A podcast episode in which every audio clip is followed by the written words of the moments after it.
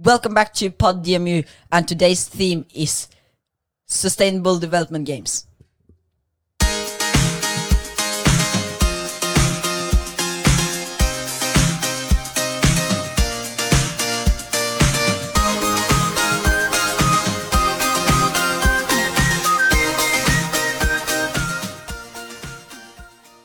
So, in the studio today, we are joined by Brage, Linnea.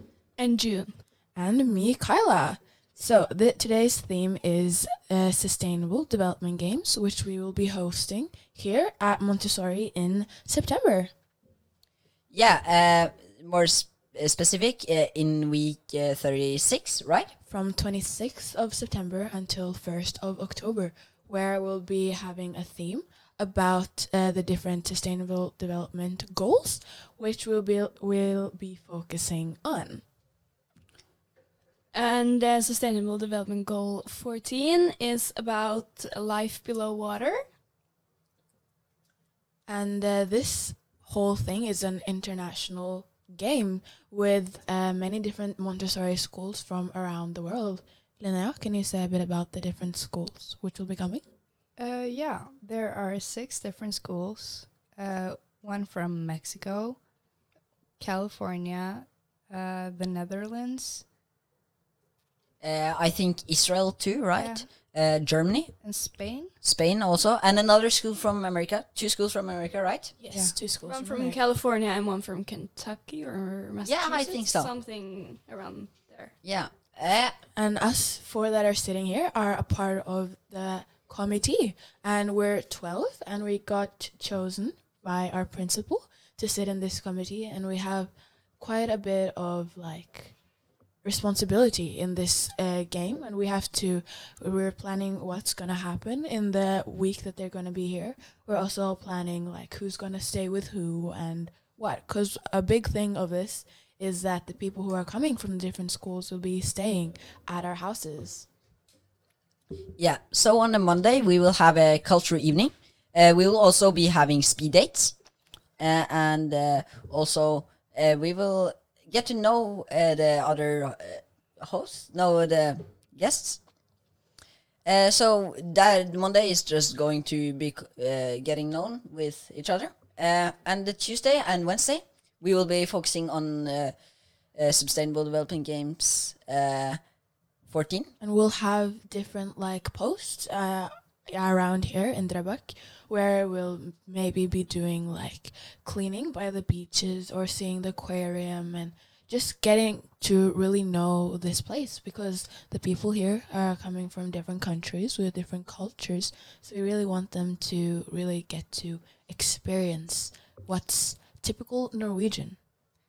And on Tuesday night, we're also having a cultural evening where all the countries that, or all the people that wanted, get to bring their own uh, representable objects, items and things. items, yeah, from their countries. Uh, yeah. So uh, the two other days uh, we'll be uh, going to uh, the island uh, outside of Drøbak uh, called Håøya, and also we will be going to Oslo.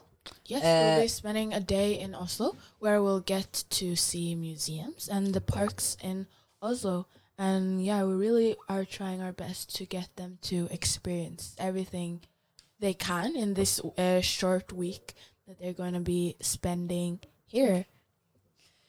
Yeah. So also um, this is the first time a Sustainable Development Games uh, has been held, um, but something uh, kind of equal to this was hosted in Netherlands uh, a few years ago. in 2019 and it was supposed to be an annual thing but because of the corona situation it was just held once and actually the founders of uh, the global montessori games and sustainable development games came here to Drøbak and visited us the committee and uh, they were called Uh, Roland and uh, Jeroen.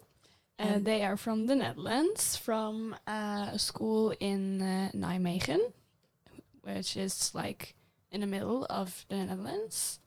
Yeah, so they uh, were helping us a bit with uh, what we should think about and what we, uh, yeah, things we probably should do uh, otherwise um, that they experienced when they held the equal thing. And what was quite cool was that they were pretty impressed by us because the one that they'd held in 2019, it was a committee with adults that had planned what was going to happen.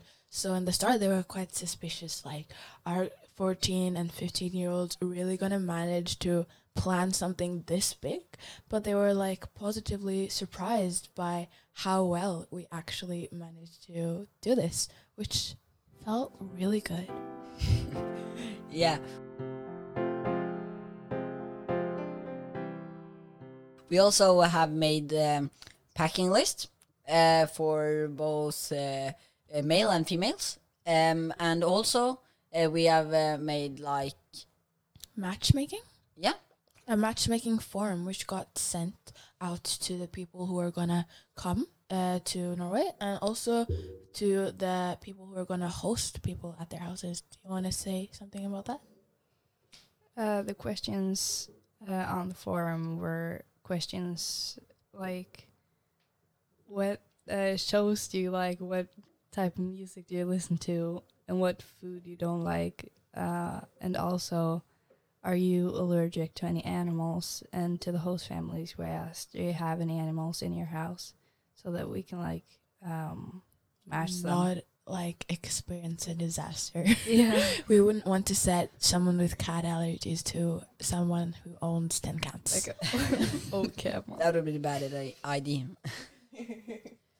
yeah, so especially I I am really excited for this. Uh, uh, nearly counting weeks. no, it's on like the um, page on their page. Oh, really? globalmontessorigames.org and there you can see a countdown of what will happen and when the games are going to happen and uh, as Brage mentioned there was hosted a global Montessori games in 2019 and there's going to be another one of those in 2023 in Drammen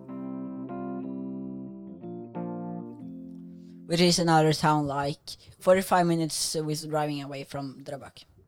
It has a big stadium, so it's possibly that's the reason why it's hosted there because um, the stadium can fit more people than our little our tiny little school yeah.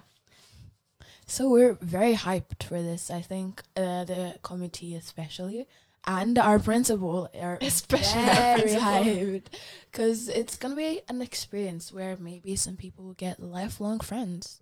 Yeah, I definitely think that I, I should try keeping the contact with the people I ha- uh, uh, ho- I'm hosting for, uh, uh, and at least like trying to make friend that week, both from the people I host for, host homes for, and also the people, the friends of um, the guests, and yeah, And we'll also have many evenings where you'll have experiences that you can try and get to know those people as best as you can.